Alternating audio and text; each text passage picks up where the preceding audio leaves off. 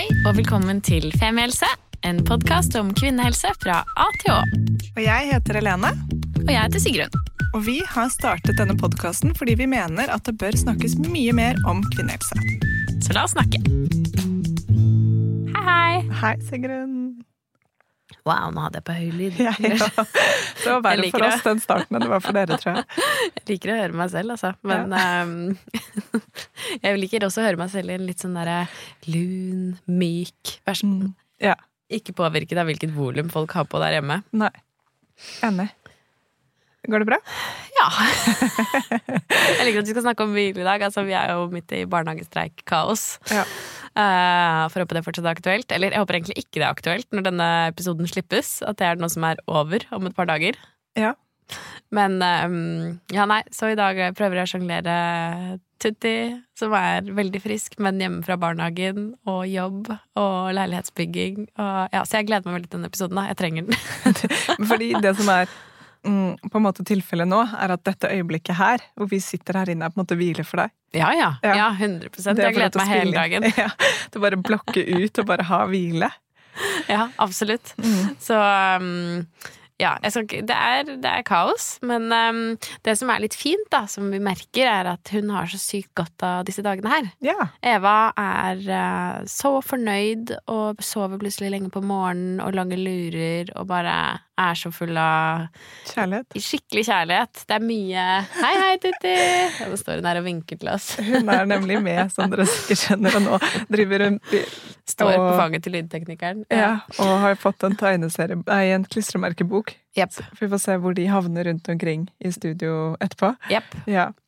Mm. Så, Så koselig, da. eh, Ja, så det er jo egentlig litt fint oppi det hele. At eh, hun, og sikkert mange andre barn, har veldig godt av den roen sammen med foreldre og andre som passer. mm. de dagene de ikke er i barnehagen. Mm. Eh, at det blir på en måte en liten ferie for dem. Mm. Så um, det er sånn motivasjon, da. Ja. Syns eh, både jeg og Jon egentlig at eh, ja, det er litt stress for oss, men det er fint for henne. Mm. Husker så godt den eh, julen hvor dere fikk korona. og Dere var 14 dager inn i leiligheten alle tre på hverandre. Ja. Men en som hadde the time of her life, var jo Eva. Ja, Altså, og jeg. Ja. Og du, ja. Marion syns det var litt intenst. ja men de, altså, Eva kunne jo ikke hatt det bedre. Bare sammen de to beste menneskene i hele verden. En gave hver dag. Ja, Og hun sov jo til sånn åtte-ni hver morgen og hadde det så fint. Ja, det er skikkelig deilig. Det, de går, eller virker, det skjer liksom når vi har lengre ferier, og nå har det også begynt å skje, at hun sover lenge på morgenen, altså til sånn åtte, Mm. og sover sånn god halvannen times lur, da. Så nå måtte jeg vekke henne litt før halv tre. ja, fordi vi måtte dra hit. Ja. Så ja. Så det har sine oppsider. Ja.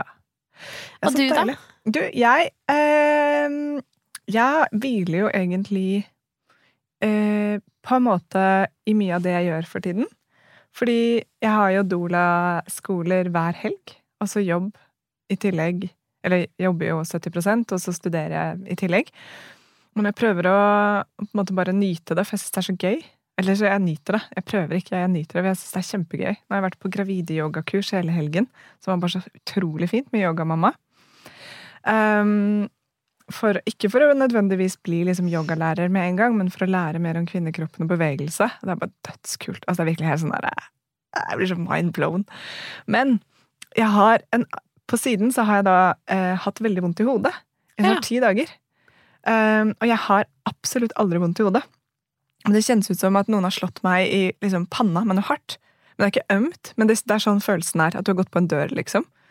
Og så til slutt, så i går så gikk jeg til kiropraktor, da. En veldig fin kiropraktor som heter Fabian, som er veldig, veldig kul type. Veldig hyggelig. Og så kom jeg inn og så forklarer situasjonen, og så sier han sånn Ja, kjennes det ut som du på en måte har på et stramt pannebånd som dytter liksom øyenbrynet litt ned? Jeg bare eh, Ja. Han bare Ja, da lurer jeg på om du har hatt covid, jeg. Fordi han bare Det er så mange pasienter som kommer hit til meg nå, og som tror at de har spenningshodepine, og som har fatigue, og som er slitne og har vondt i kroppen. Men de, er, du, er ikke noe, har ikke noe kink i nakken, du er ikke noe stiv, du er ikke noe støl. Og det, det bare med en gang han sa det, så bare Selvfølgelig! Det er det jeg har gått rundt med. Fordi jeg har jo vært ganske trøtt òg. Men jeg har ikke hatt noen andre symptomer, og jeg har jo vært på liksom gravideyogakurs og bare slappet av. Altså virkelig sånn sunket ned i kroppen, på en måte. Så det går ikke mening at jeg var full av spenninger. Men da har jeg tenkt sånn å ja, men nå slipper spenningen, så nå får jeg vondt i hodet. Men det begynte lenge før det. Så det tror jeg jeg har gått rundt med, da. Men det er så sykt at du sier det, for det var jo mitt eneste koronasymptom. Ja. I julen i fjor, når jeg hadde det. Mm. Det var jo hodepine. Jeg har aldri vondt i hodet. Og så hadde jeg plutselig masse vondt i hodet. Ja, for det han, da han sa det, så bare Ja, det var jo det sterkeste symptomet jeg hadde da jeg faktisk hadde korona. Pluss at da hadde jeg litt feber og sånn, da. Mm. Så ja, men nå er jo det å ha covid er jo ikke det som det en gang var. Det er jo ikke noe isolasjon eller uh... Har du tatt en test, da? Nei. Av nysgjerrighet, liksom? nei, men sist gang jeg hadde det, så måtte jeg ta fem tester for å slå ut, og den smerten utsetter jeg meg ikke selv for. Nei. Men uh, Shit. Men det var det- interessant, da. ja, symptomene begynte jo for lenge siden, så jeg uansett liksom Jeg bare ser på dere og sier at jeg er ikke smittsom lenger. Men det er mye bedre nå, i hvert fall. Ja, det, Men det var, var- bra, da. Ja, men en gang han sa det, så bare Å ja. Det er det. Så det er en eh, Hvis noen hører på det og tenker sånn unormalt sliten og vondt i hodet i det siste, kan være det. Og da må man hvile. Og det er en perfekt bridge over til det vi skal snakke om i dag. Ja! For vi er så heldige å ha med oss eh, Marte her i dag. Velkommen til oss. Hei. Takk. Det er så fint at du kunne mm, være med å lage denne episoden som jeg har gått og eh, Jeg har marinert lenge på det jeg har lyst til å lage sammen med deg, da. Så koselig. Mm. Så hyggelig å være her. Altså, Helene har jo snakket så varmt om deg. Vi kjenner jo hverandre ikke fra før av. Eh, Hun har snakket om denne episoden i en periode hvor jeg egentlig har vært ganske sånn eh, høy på stress, og det har jo vært helt eh, perfekt. Så jeg har vært sånn, ja, det må vi gjøre. Men jeg vet egentlig veldig lite om deg, Marte. Kan ikke du begynne å fortelle meg og alle som hører på, litt om fulle navnet ditt, hvem du er, hva du driver med, og ja Begynne der. Mm. Um, jeg heter Marte Magerøy, og um, ja, hva driver jeg med? Jeg driver jo med yoga. Det er det jeg har jobbet med de siste ti årene. Um, og før det så, så studerte jeg psykologi på Blindern, men yoga ble på en måte min psykologi. Så uh, utgangspunktet mitt er um, akademisk, men så så ble det yoga fullt og helt, og det har vært en veldig spennende reise, hvor jeg har eh, Jeg har egentlig jobbet veldig mye som yogainstruktør i Oslo-området. Eh, Og nå de siste årene så har jeg gått litt mer over til å jobbe hovedsakelig retreat-basert. Det betyr at det ikke er så mye drop-in-timer, men mer sånn lengre eh, retreater og økter med um, ja, med en gruppe, sånn at vi virkelig får på en måte gått litt i dybden. Um, Ja, for det Ja. er du som driver dette som heter himmelsk hvile. ja. Ja. det høres jo helt fantastisk ut. Mm. Det var på en måte der vi eh, møttes, eller eh, Ja, jeg var på retreat med deg. Det var første gang jeg møtte deg. Og så har det bare blitt sånn og, og ofte på retreat med Marte så er det sånn, har man en, kanskje en åpningssirkel hvor man forteller hvorfor man er der. Og mitt svar her var alltid ja, fordi du organiserte det. Så derfor er jeg her. Med en gang Marte legger ut noe, så er det liksom jeg vet ikke om jeg er den første, men det er ikke langt unna hver gang å bare booke og vippse, booke og vippse. For det har blitt sånn derre Ja, en del av min sånne Bare å ha de eh, retreatsene eller sessionene med Marte i kalenderen er sånn Å, der, ja. Ok, det kom perfekt. Akkurat det. Det vet jeg. Og nå har jeg blitt sånn Når du la ut et himmelsk hvile kveldsretreat, eller kvelds... eh, ja, eh, show nå, så bare sendte jeg linken til alle jeg kunne tenke meg. Så jeg bare book nå, book nå. Ikke vent med å vippse. Dette er ikke noe tid for å si sånn ja, kanskje. Du må bare booke med en gang for det blir fullt. Så jeg tror neste gang, som er neste uke, um, så er det sikkert fire-fem stykker jeg kjenner som skal være med, bare fordi jeg bare ja, jeg får alle med i, i sirkelen til Marte. Wow. Ja. Og det er så deilig. Um, og det Ja. Så din eh, yogareise, da, som har jo vært Du har jo holdt på med mye forskjellig type yoga, eller i hvert fall hatt en sånn ulik reise. Hvordan kom du inn i mer hvile?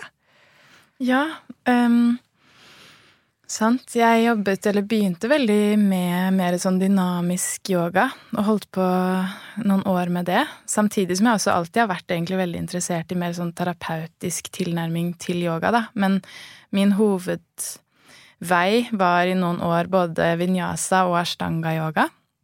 Og så var det vel egentlig rundt den tiden, for en del år siden nå, at jeg eh, hånd i hånd egentlig med at jeg begynte å kjenne inn på hvordan den veldig aktive yogaen eh, ja, selvfølgelig var så god for meg på veldig mange måter, men det var plutselig noen sånne øyeblikk hvor jeg bare stoppet opp og bare sånn Det er så rart, men det er akkurat som at det er mange deler av meg selv som jeg bare absolutt ikke er i kontakt med når jeg eksempel gjør ashtanga eller um, Og kjente at jeg hadde mistet litt egentlig kontakten med både bekkenet og magen min, og også syklusen min. Så det var egentlig veldig sånn derre kvinnehelserelatert. At det, det, det, begynte der, og så møtte jeg en helt fantastisk lærer som heter Uma Dinsmore Tooley, som jobber med eh, feminin yoga og, eh, og yoga nidra.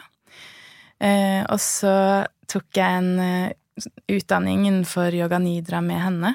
Yoga og det var på en måte er um, ja. Søvnyoga, mm. ikke sant? Mm. Ja. Mm. Yoga er jo yoga, ja. Eh, og nidra betyr søvn. Mm. Så det er en avspenningsform eh, hvor man går inn i eh, Ganske raskt inn i dypere hvile eh, og langsommere hjernefrekvenser. Så for meg var egentlig det sånn, i hvert fall den mer sånn bevisste, aktive starten på, ja, på aktiv hvile, da, mm. eh, i livet mitt. Mm. Men kan du prøve å forklare, hva er hvile? det er et så godt og veldig stort spørsmål. Eh, for det kommer veldig an på hvilket perspektiv man ser det fra.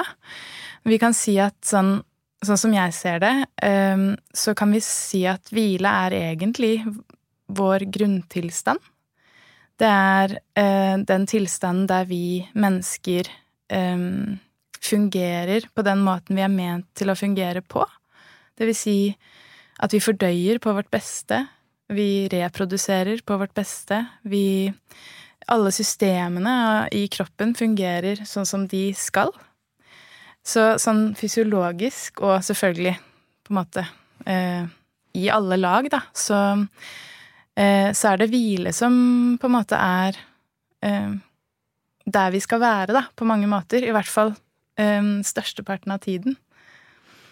Men så kan vi også si at um, det går an å ta hvile til et enda sånn større eh, sted, eller se på hvile fra et større ståsted og si at vi kan jo egentlig også hvile hele tiden. Um, at det ikke bare er avhengig av en Av at vi ikke er i trigget, et trigget nervesystem. Um, eller at det ikke nødvendigvis alltid trenger å være en fysiologisk hvile, men at det er også mulig å finne en grunnleggende hviletilstand som er helt uavhengig av hva som skjer i kroppen vår, da. Som handler mye mer om en ren tilstedeværelse, da. Eh, men den Det er kanskje ikke like eh, ofte eh, at vi tapper inn i den, da. Men Mm. Men det er mulig. ja, fordi det er noe jeg har lært av deg, og som jeg av og til tapper inn i, er mm, For én ting er å gå og, å hvile aktivt, eksempel med deg, eller med noen andre som leder en meditasjon eller en yoga nidra, eller kanskje til og med en yin-yoga, eller leder noe hvor du på en måte går inn sånn Nå skal vi alle sammen slappe av her, ikke sant? Nå skal vi ned, Nå skal vi ned. Mens mm, jeg føler jo at eh, Eller jeg, for meg så har jo Marte lært meg å hvile. Og noen ganger når jeg er i mm, Jeg vet ikke om det er riktig state engang, men noen ganger så greier jeg å hvile. Eksempel når jeg står og lager mat.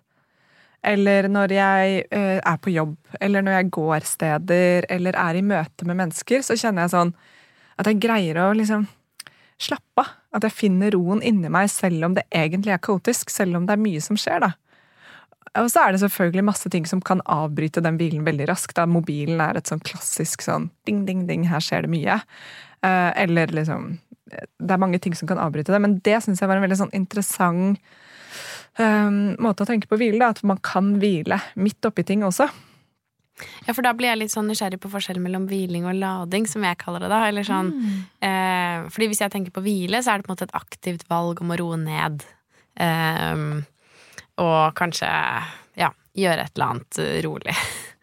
Men eh, å lade for meg kan også være helt andre ting. Det kan være å gå en tur, eller mm. å være sammen med noen venner som jeg vet at gir meg god energi, eller eh, ja, altså, gjøre noe, noe som gir meg noe, da. Mm. Hva tenker du om Er det en forskjell på hviling og lading, eller sånn påfyll?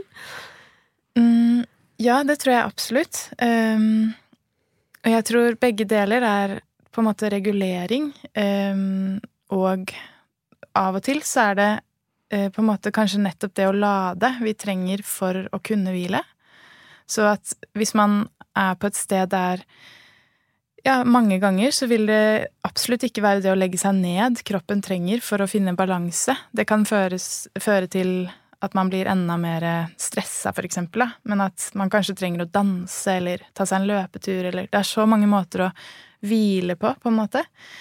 Eh, men det, det jeg tror du prater litt om, Helene, er også på en måte noe som er enda litt mer ubetinget. Eh, som ikke handler så mye om hva vi gjør, men som er mer en tilstand. Som er en værens tilstand.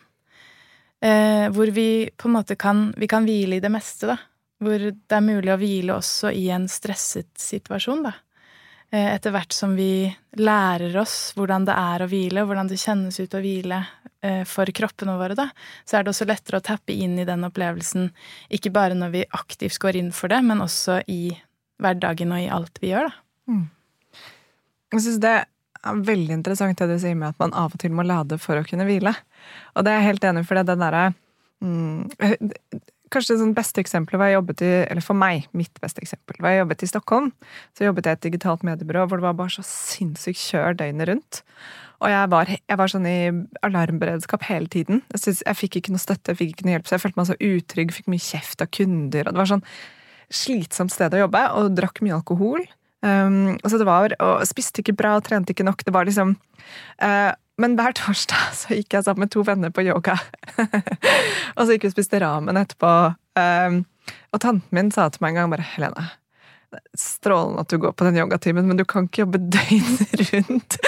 liksom hvert fem dager i uken, masse timer, og så tro at den ene yogatimen på en måte nuller ut noe. Eller liksom og, og, hun hadde helt rett, men der og da var jeg i en situasjon hvor jeg greide ikke å snu på det. Jeg, greide ikke å, jeg hadde ikke et nettverk til å skifte jobb veldig enkelt. Eh, jeg tjente dårlig. Det var Syns du også det var litt gøy? I den jobben? Ja. Det var gøy når jeg fikk det til. Når jeg greide plutselig å mestre det, så var jo det veldig sånn wow, liksom han brøt igjennom. Og det var gøy å drikke alkohol også med den gjengen. Det var jo en veldig morsom gjeng, men det ble mange ganger i uka. Eh, så det var mye av det som var gøy, men jeg var jo ekstremt sliten. Jeg våknet jo opp hver morgen med angst og var liksom Er det en ny dag, liksom? Og søndager var sånn grusom dag, for jeg gruet meg sånn til å liksom kjøre i gang. Mm. Så yogaen var på en måte en sånn, der, en sånn der lite halmstrå som jeg bare grep etter og bare gi meg ro og hvile. Men og for å liksom, ja, en, av de, en, av de, tingene jeg ikke likte med å bo i Stockholm, var at jeg var så langt unna naturen hele tiden. Jeg hadde ikke noe sånn her, Det var park jeg kunne gå i, men det var ikke så lett å komme seg til marka der for meg. Det er sikkert noen som hører på nå som bare jo, men i Stockholm så tar du bare tuben dit, og så Jeg visste ikke det, jeg kom meg ikke dit. Så jeg hadde ikke den ladingen som gjorde at det var vanskelig for meg å hvile. Mm. Jeg hadde veldig lite lade i hverdagen, da. Mm. Um, og så gikk det seg til, og livet ble annerledes, og nå er jeg et annet sted hvor jeg heldigvis føler at jeg kan lade ganske mye og hvile mye. Men um, jeg hadde en samtale med min mor i dag tidlig. For jeg fortalte om denne covid-historien, at jeg tror jeg har hatt det. Så sa jeg at jeg har vært litt ekstra trøtt, og sånn. Hun bare ja, det er jo ikke noe nytt for deg at du er mye trøtt. Da, vet du, da sa jeg nei, men jeg har alltid vært god til å hvile, mamma. Og da sa hun ja, vet du hva, det har du faktisk. For det, det er også noe med Vi kan kanskje snakke litt mer om det, hvordan samfunnet ser på det å hvile. Altså, er det liksom akseptert å hvile? Er det greit å hvile? Eh, ja, Føler du, Sigrun, at det er greit å hvile? Eh, nei. nei. Egentlig ikke. Nei. Um, det syns jeg ikke. Jeg prøvde faktisk å slå gjennom på kontoret, eller argumentere for at vi skulle få et hvilerom. Ja. Um, hvor man i hvert fall hadde liksom en sofa eller en god stol og liksom noen planter, og hvor det fint går an å sitte og jobbe i en behagelig posisjon hvis man ønsker det, men da var jeg også i en sånn periode for noen måneder siden hvor jeg hadde veldig høyt stressnivå og hadde egentlig lyst til å liksom prøve å gjøre litt mindfulness da i løpet av dagen for å liksom prøve å roe ned. Um, ja, men vi har ikke fått det ennå, da.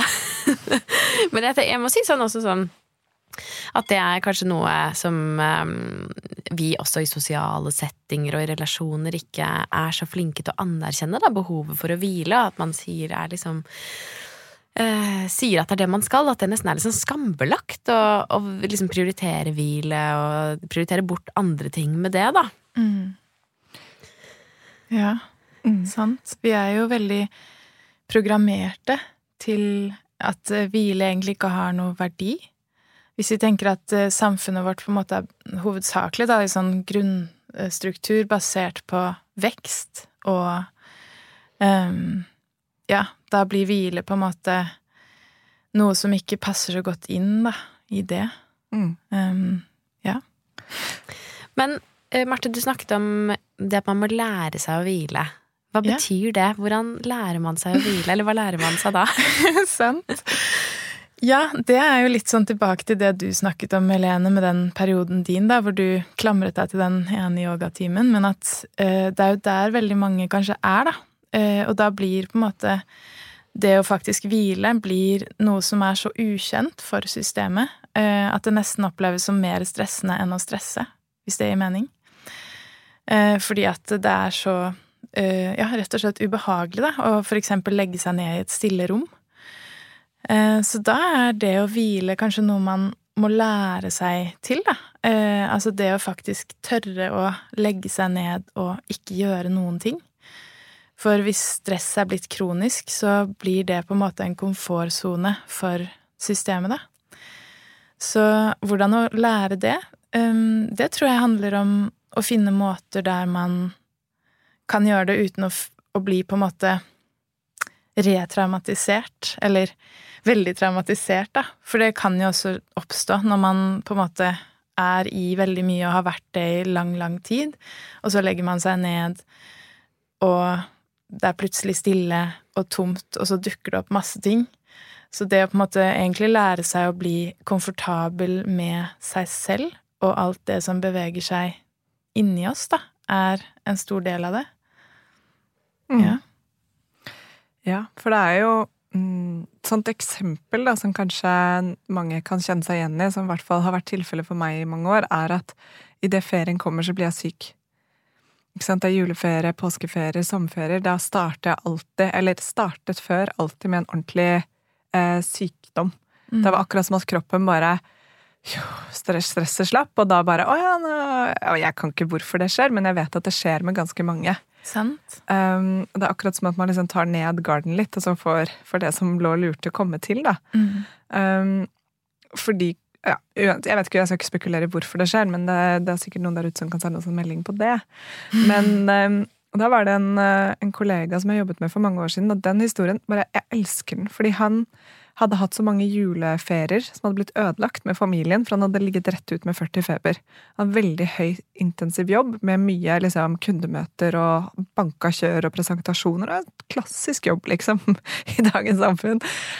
Så han hadde bare sagt til arbeidsgiver sånn, vet du hva, uken før juleferie så kommer jeg til å komme på kontoret, men jeg kommer ikke til å jobbe. Så uken før juleferien så gikk han inn rundt som en sånn liten sånn julenisse, litt sånn julealv, og bare spiste pepperkaker og drakk te og plaget alle andre som prøvde å bli ferdig til jul. Han bare chilla den helt. Han kanskje svarte på et par mail og sånn, men han bare, jeg, husker han fortsatt går rundt og drikker liksom eh, vann med ingefær og sitron, og bare ta det helt med ro. Og, og mengden han hadde jobbet resten av året, på en måte gjorde jo at det var ikke noe noen som kunne si du kan ikke slacke en hel uke. Jo, selvfølgelig kan du det. Og når han begynte å innføre den karenstiden for seg selv, så sluttet han å være syk i juleferien. Mm. Og det, det var sånn gjorde så inntrykk på meg at han turte, og han var helt åpen på det også, liksom. At sorry, ass, men familien min er viktigere.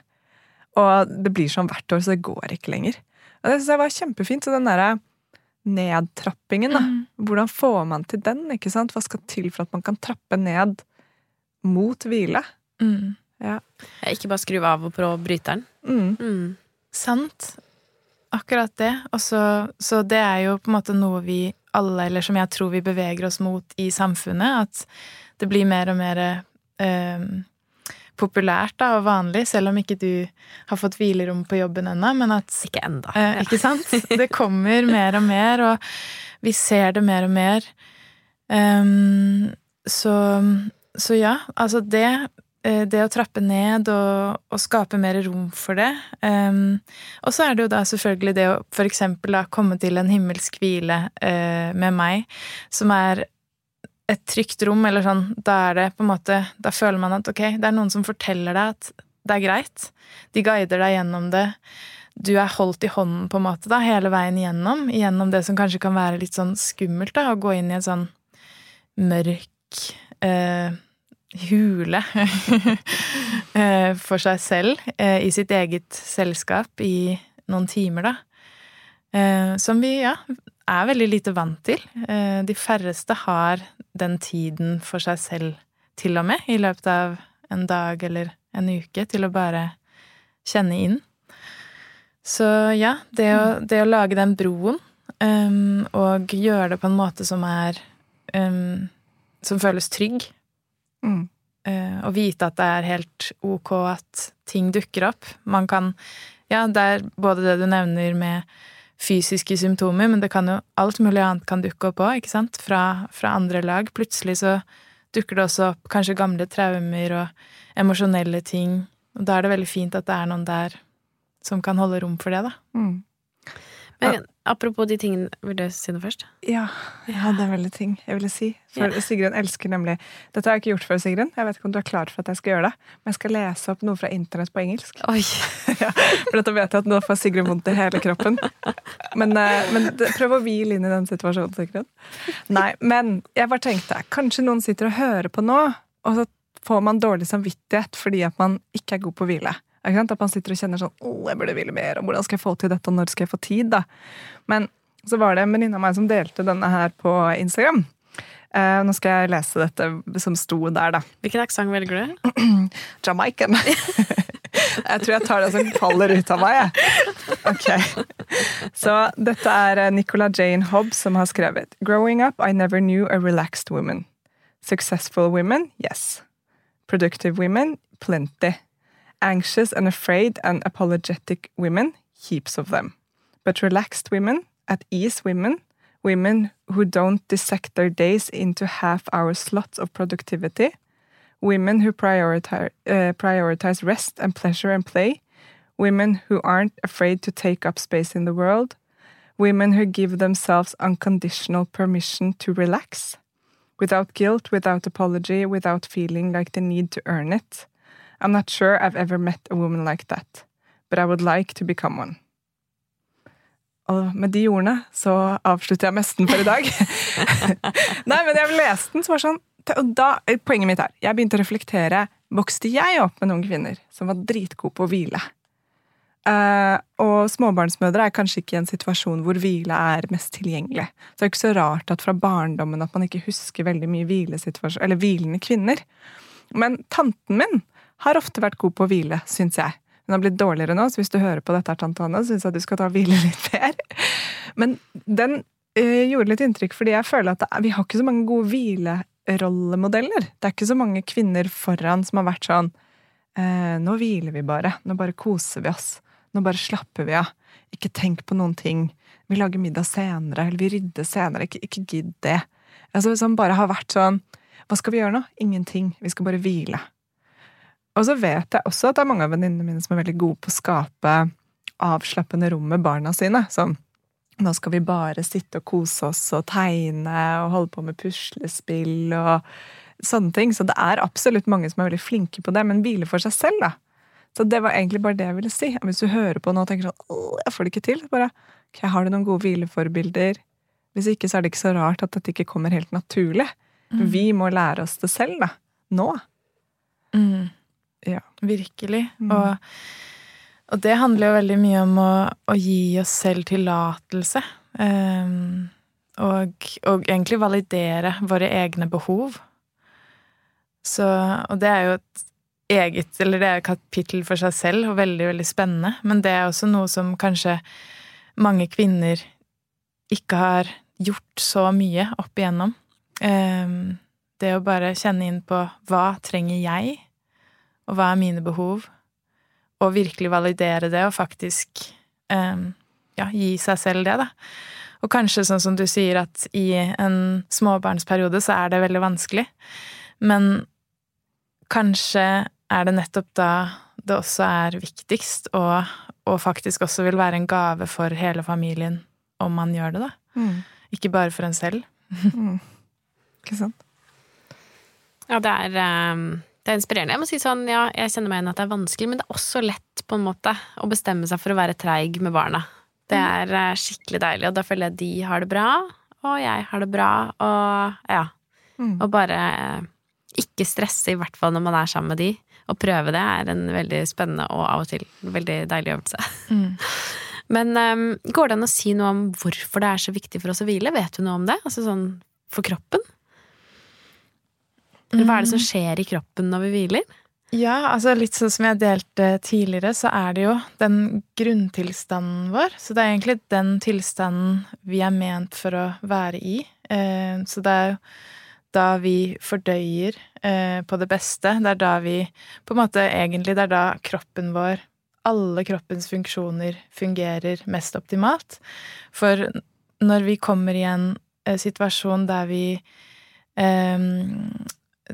der vi er i frykt, eller der vi må overleve, da, på en eller annen måte, som, som jo denne sympatikus-tilstanden er ment som, da, i utgangspunktet. Altså den aktiverte nervesystemtilstanden.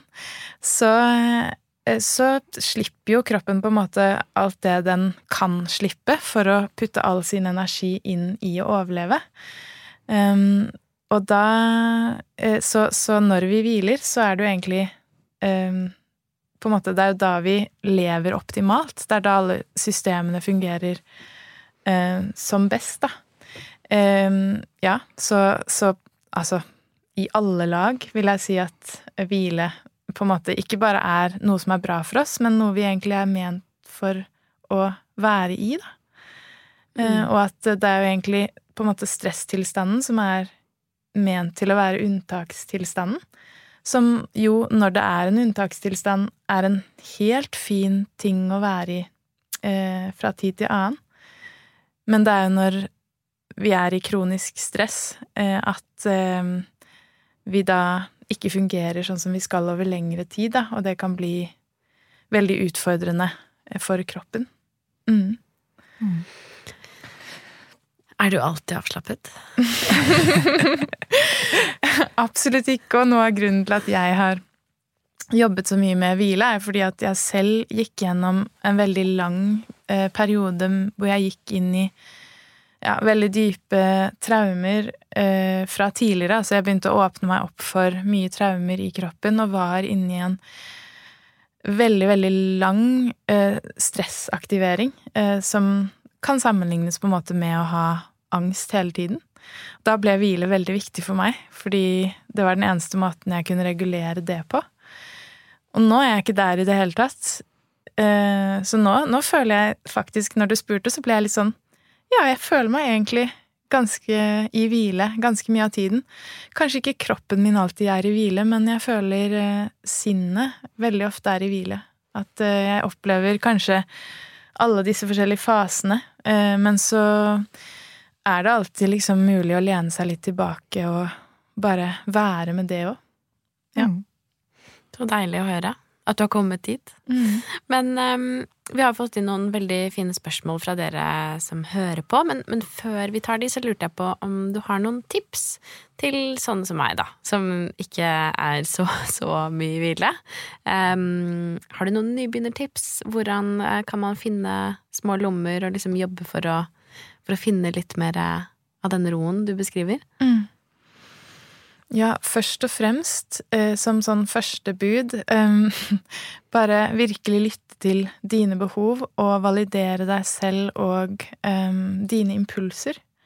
Så som du sa i stad, dette med å lade, det føler jeg er litt linket til det her med impulser, at når du får en impuls, istedenfor å tenke sånn, eller overstyre, bare 'nei, det passer ikke å gjøre nå', eller Men kanskje er det nettopp den impulsen som forteller deg at det trenger du, og det kan være med å regulere deg, da. Så hvis du trenger å synge høyt, eller eh, danse, eller ja, bare hva som helst som dukker opp, da, eh, og lytte til det. Um, og så er mer sånn konkrete ting. Um, så så handler det jo om å stoppe opp eh, og ja, ta det litt med ro, da. Senke tempoet. Um, så som regel tror jeg vi sparer tid på å gjøre det på en eller annen måte. Sånn, det er litt sånn magi, det der med tid. Men jo mer tid vi gir oss selv, jo mer tid får vi på en eller annen måte òg. Så det å kanskje liksom lene oss litt tilbake i livet og se om vi kan nesten treige oss litt um, i det vi gjør. mm. uh, stoppe opp, ta noen pust. Pusten er alltid um, veldig god. En, en, praksis som er en av mine favoritter, det er å om mulig legge meg ned, men om ikke det er mulig, uansett eh, om du kan ligge eller om du sitter eller står, og prøve å bare kjenne pusten hele veien ned i bekkenet. Så puste med bekkenet, fordi i den prosessen så skjer det veldig mye, bare fra å på en måte ha en litt sånn overfladisk pust idet man begynner å åpne seg for å kjenne pusten så langt ned i kroppen som man kan, så har det allerede skjedd mye på den reisen ned, da. Ja. Altså, jeg gjør det nå. Kjempedeilig. det er deilig. Mm. Jeg har um, jo et tips som du faktisk har gitt meg, på en måte. Og det er jo at din mamma lager noen fantastiske øyemasker som har linfrø og lavendel i seg. Som er helt nydelige. Mm. Liten side note der, så var det Jeg byttet pose fordi noen av linfrøene hadde falt ut, så jeg fikk ny pose av mammaen til Marte. Og så skulle jeg kaste alle linfrøene ut av soveromsvinduet mitt. Og det hadde de jeg tydeligvis ikke greid, så jeg har en sånn lineng oppi en blomsterpotte som står med en sånn gull, eh, gullranke ved siden av sengen min, så jeg har masse limblomster. Men det er en mm. annen koselig historie. Men mm. denne øyemasken, da, den er sånn tung og litt sånn avkjølende, på en måte. Så hvis jeg er veldig hvis jeg er sliten, rett og slett. Jeg kjenner at nå har jeg lyst til å hvile, og så tenker kroppen min sånn men du har ikke tid, eller du skal ikke hvile nå, du skal ikke legge deg ennå. Så kan jeg legge meg på sengen, sette alarmen på 10-15-20 minutter med denne øyemasken på, mm. og bare prøve på den pusten som du snakker om. Og det er ofte nok til at jeg våkner, og, øh, våkner da. Altså, for jeg sovner ikke, men jeg er i en sånn derre øh, nidra-tilstand, mm. eller sånn hviletilstand, hvor jeg etterpå er sånn ah, Altså, det, det er egentlig for meg så lite som skal til. Det er ti minutter ofte. Og så kjenner jeg sånn Det gjorde en stor forskjell, da. Sant. Og, og, det er så um, godt poeng at til og med to minutter med en øyepute kan ha helt fantastisk effekt.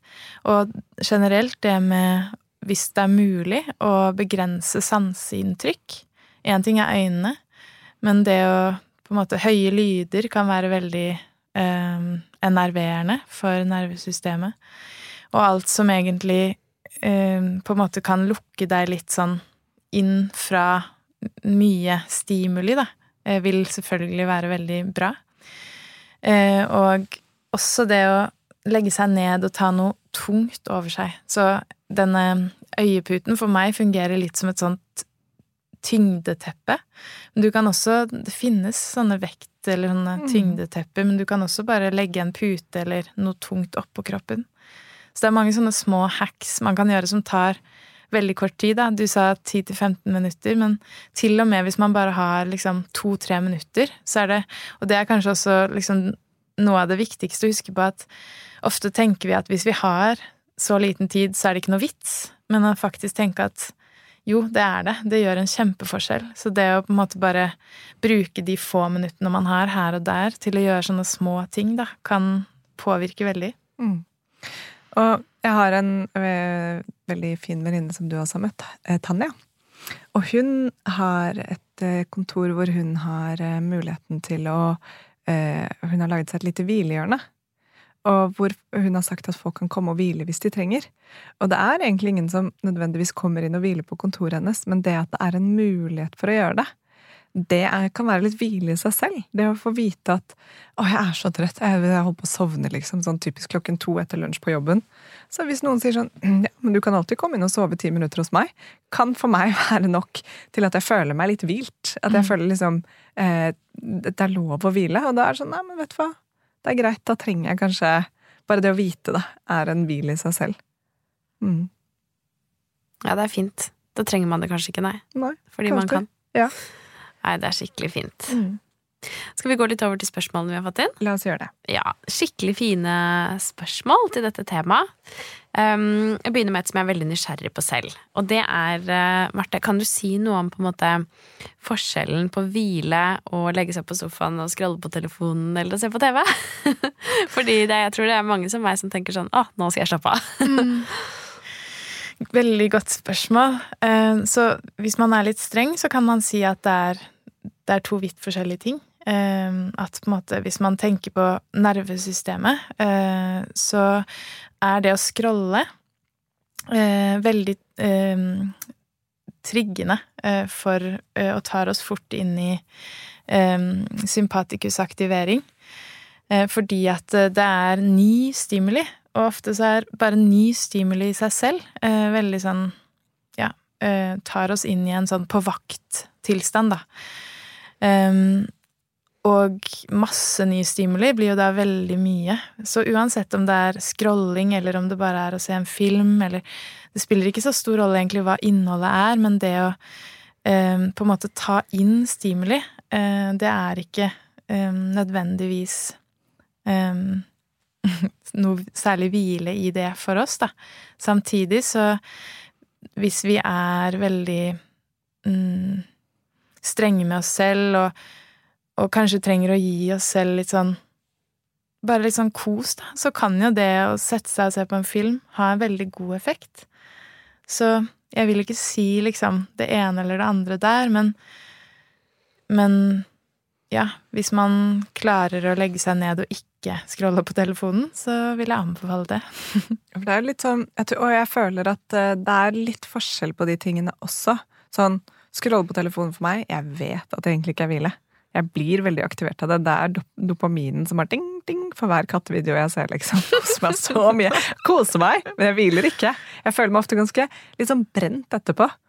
Men hvis jeg setter meg og leser en rolig bok, så er det Det går saktere. Og det er ikke Jeg får ikke liksom det kjøret på samme måte. Da kan jeg føle meg mer hvilt etterpå. Så det er kanskje litt sånn eh, Det er i hvert fall det for meg. At jeg tror man kjenner litt Ga det meg liksom Ladet jeg, eller hvilte jeg nå ved å gjøre dette? Eller på en måte aktiverte det veldig? Og så er det Hvis det er det man kanskje trenger å begynne med, jeg vet ikke, så kan jo det være en fin inngang til hvile, men at man også liksom gjør noe som ikke er eh, underholdning, da. Mm -hmm. Men det eh, er ikke så lett.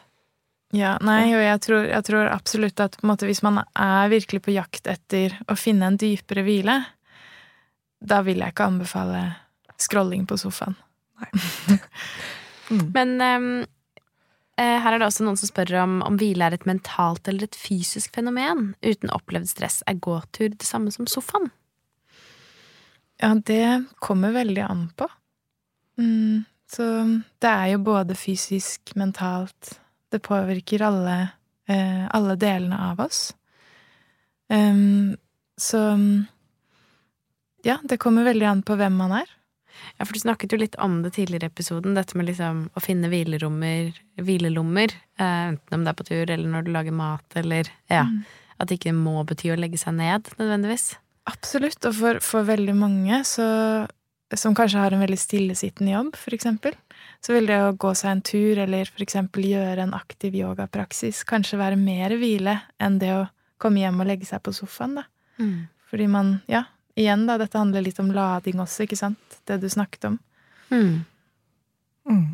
Og vi snakket litt om det, Marte, da vi preppa til denne eh, episoden. Det med eh, Apropos det fysiske, hvor viktig hvile er etter noe fysisk. Kan være det. For eksempel eh, hvis man har en eh, trener styrke da, på sats.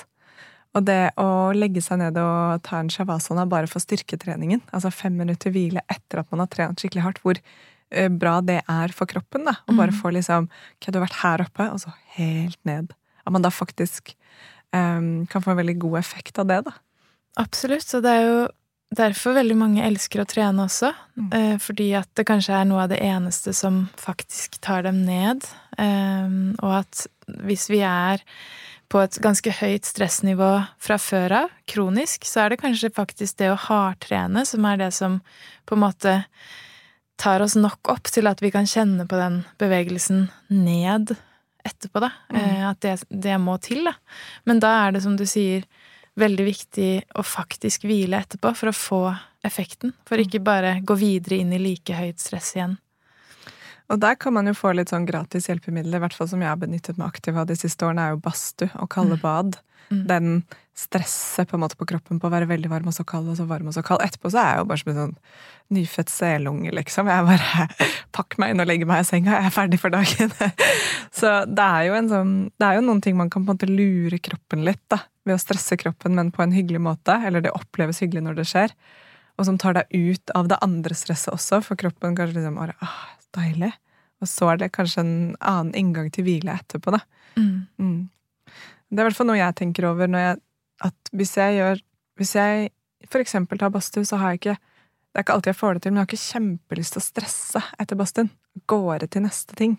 Til jeg tenker sånn, Hvis jeg greier å slappe av liksom Så jeg i hvert fall har et kvarter i garderoben, da, eller skal ta en kopp te eller kopp kaffe etterpå, at det er noe, sånn, noe rolig som skjer etterpå. At jeg liksom nyter litt eh, arbeidet, på en måte. Mm. Hvem vet. Det er i hvert fall veldig deilig. Det er veldig deilig. Ja. Det er skikkelig deilig. Mm. Um, det er også en her som spør hvordan finner man hvile når man er emosjonelt aktivert eller står i en storm? Mm. Veldig godt spørsmål. Og det vil jo igjen også avhenge veldig av uh, hva den enkelte personen trenger. Uh, men det kan absolutt da hende at det eh, kan være utfordrende å bare legge seg ned, da, for eksempel. At det er da på en måte den, eh, de emosjonene eh, kommer opp mest. Så det å kanskje eh, søke støtte, eller bare ha noen der som man kan dele om det med, eller til og med det å Det som kalles for å koregulere, altså ha et annet menneske nær seg, kanskje fysisk kontakt, kan være en veldig fin måte å å komme ned på. Men igjen, det vil, det vil virkelig avhenge veldig av eh, fra person til person, så jeg kan nesten ikke svare på det heller. Men bare det at ja, kanskje ikke forvente at man skal bare kunne gå inn i hvile og ha det bra med det, da. Eh, Og faktisk igjen validere og anerkjenne det som foregår. Mm. Mm. Og, ja, for det er jo Jeg tror alle vi som sitter her, har jo stått i situasjoner eh, Det er liksom kjærlighetssorger eller andre sorger eller store liksom livsomveltende ting hvor det liksom virker helt umulig å bare være alene. Bare være liksom stille. I hvert fall har jeg opplevd det. Og da, men så plutselig så er det sånn Da kommer man jo til et punkt hvor det går å hvile igjen. Og det er så deilig når man liksom har vært gjennom noe sånn ordentlig tøft, og så plutselig så er, har jeg vært alene i leiligheten. Så bare Nå er jeg helt alene, og det går bra. Eller sånn Ja, nå kan jeg sove litt midt på dagen, eller Ja, nå er Dette går bra. dette går bra. Mm. Så det er jo ikke noe Det er ikke alltid lett, liksom. Det er ikke alltid det er Absolutt ikke alltid det er lett å legge seg ned og hvile. Sånn. Men fint det du sier, Marte, om eh, kanskje det er nettopp et godt tidspunkt å søke. Om det er en, eh, å gå på en yoga nidra-time, eller ja, mm. snakke med noen som, som kan noe om å hvile. Være med på et av dine retreats hvis man har muligheten til det. Altså gjøre noe sånn Mm. aktivt, da. Ja, og bare en liten sånn en, en tanke som dukket opp, eh, og som på en måte er noe av det mest sentrale jeg jobber med, er eh, det at um, hvile også på mange måter er det samme som å føle. Um, og at det handler om å lære oss å bli komfortable med å føle, også vonde følelser. Det er en veldig viktig del av å egentlig komme ned og, og bli uthvilte, da, på mange måter. Det å bli Å ikke være redd, da, for, for våre egne følelser. Så, ehm, så det kan også være en utfordring til den som spør, um, om å begynne å uh, Ja, å tillate å åpne opp for å kjenne inn på det som er vanskelig å kjenne inn på, og gjerne da med støtte og hjelp fra noen som uh, kan holde rom for det, da. Mm. Mm. Ja, det er veldig fint. Um, et siste spørsmål her før vi avslutter. Det er en som stiller spørsmål om hvordan man kan komme til ro og hvile med barna før de skal sove. Vi leser bok, men før det, da er det kaos. Har du noen tanker om det? Hvordan man liksom kan roe ned hele flokken? Jeg tror virkelig det handler om å roe ned seg selv. Um, men det her tror jeg du vet mer om enn meg, fordi jeg har ikke barn. Ja, nei, altså min erfaring er at det er enten-eller. Enten så er det rolig, eller så er det kaos. Og så roer det seg på et eller annet tidspunkt uansett. Men um, nei, jeg syns i hvert fall det hjelper å legge til rette for en rolig aktivitet sammen. Da er det større sjanse for at i hvert fall hun på to år da eh, roer seg ned, om det er å perle eller pusle eller tegne eller gjøre noe som på en måte ikke er å jage hverandre rundt i stua. Men uh, jeg tror nok det er annerledes også hvis du har flere enn ett barn, og det er aldersforskjeller og ja. Mye å si. Mm. Mm. Ja. Nei, den var nok um, litt som vi sa innledningsvis også, at det er jo perioder i livet, uansett hva det er, om det er barn eller livskriser eller Kattunger. kattunger, fysisk, psykiske ting, hvor, hvor hvile ikke er eh, kanskje så tilgjengelig, men kanskje det er en sånn Når man først har den luksusen at hvile er noe man har eh, mulighet til, at man skal øve seg, sånn at når det kommer disse krisene, at det er et verktøy man Men vent litt, jeg kan det jo egentlig. Jeg vet egentlig hvordan jeg gjør dette. At det ikke er så langt unna. Så det kan være at når man minst trenger å hvile, at det er da man bare skal gjøre en skikkelig hvileinnsats, fordi senere plutselig så bare Vent, da! I know how to do this. Kanskje. Sant. Mm. Jeg tror aldri det er en dårlig idé å legge seg ned for å hvile. Mm. Eller å ja, gjøre noe som man kjenner gir hvile. Mm. Selvfølgelig av og til så kan det hende man trenger å leke eller å tulle og danse og eh, løpe eller hva enn det er, men um, ja, jeg opplever selv at um, jeg kan fint hvile mye mer enn det jeg tror jeg trenger, Ja. uten at det er et problem. Ja. Jeg, jeg leste et eh, sitat som sa at um, hvis eh, verdens befolkning hadde hvilt mer, ligget mer eh, liksom eh, horisontalt, så Ja, ikke sexet. Ikke sexet, ikke sexet, bare slappet av mer, så hadde det ikke vært noe særlig krig. Jeg tenker sånn, det er, noe, det er noe sannhet i det, at hvis alle bare var liksom Kanskje Putin hadde tatt seg en chill-pill, så Nettopp, Hvis han bare hvilte litt mer, rett og slett. I don't know. Men uansett, det er hvile er aldri en dum ting. Nei. Nei. I hvert fall det jeg måtte gjøre for å gå hjem og hvile. Jeg òg. Skikkelig. Det tror jeg lydtekniker Olav er også. Nå er han Han er borte, faktisk. Han ligger på gulvet. Klistra ned med klistremerker. Vi ser i hvert fall ingen av de, hører Nei. ikke noe lyd, så jeg tror vi skal gå inn og sjekke hvordan det går. Ja. Tusen takk, Marte. Det var skikkelig spennende og inspirerende, ikke minst. Og ja, jeg håper dere som hører på, syns det var like fint som jeg syns. Mm, det var kjempefint. Takk. Takk Så- for at jeg fikk komme. Anytime. Hi. Vi snakkes! Det gjør vi. Ha det. Ha det. Tusen takk for at du hørte på podkasten vår. Selv om det forhåpentligvis kommer tydelig frem, så vil vi understreke at vi ikke er helsepersonell. Ja, så som vanlig, kontakt legen din om du har noen spørsmål, eller om du skal begynne på noen form for behandling. Og har du et tema som du har lyst til at vi skal snakke om, eller noe ris eller ros, så send oss gjerne en melding på Facebook eller på Instagram. Der finner du oss under Femihelse. Og du kan gjerne rate oss på iTunes. Det er skikkelig hyggelig for oss. Ha en fin dag! Ha en kjempefin dag.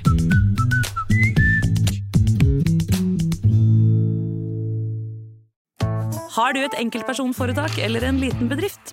Da er du sikkert lei av å høre meg snakke om hvor enkelt det er å levere skattemeldingen med fiken, så vi eh, gir oss her. Fordi vi liker enkelt. Fiken superenkelt regnskap.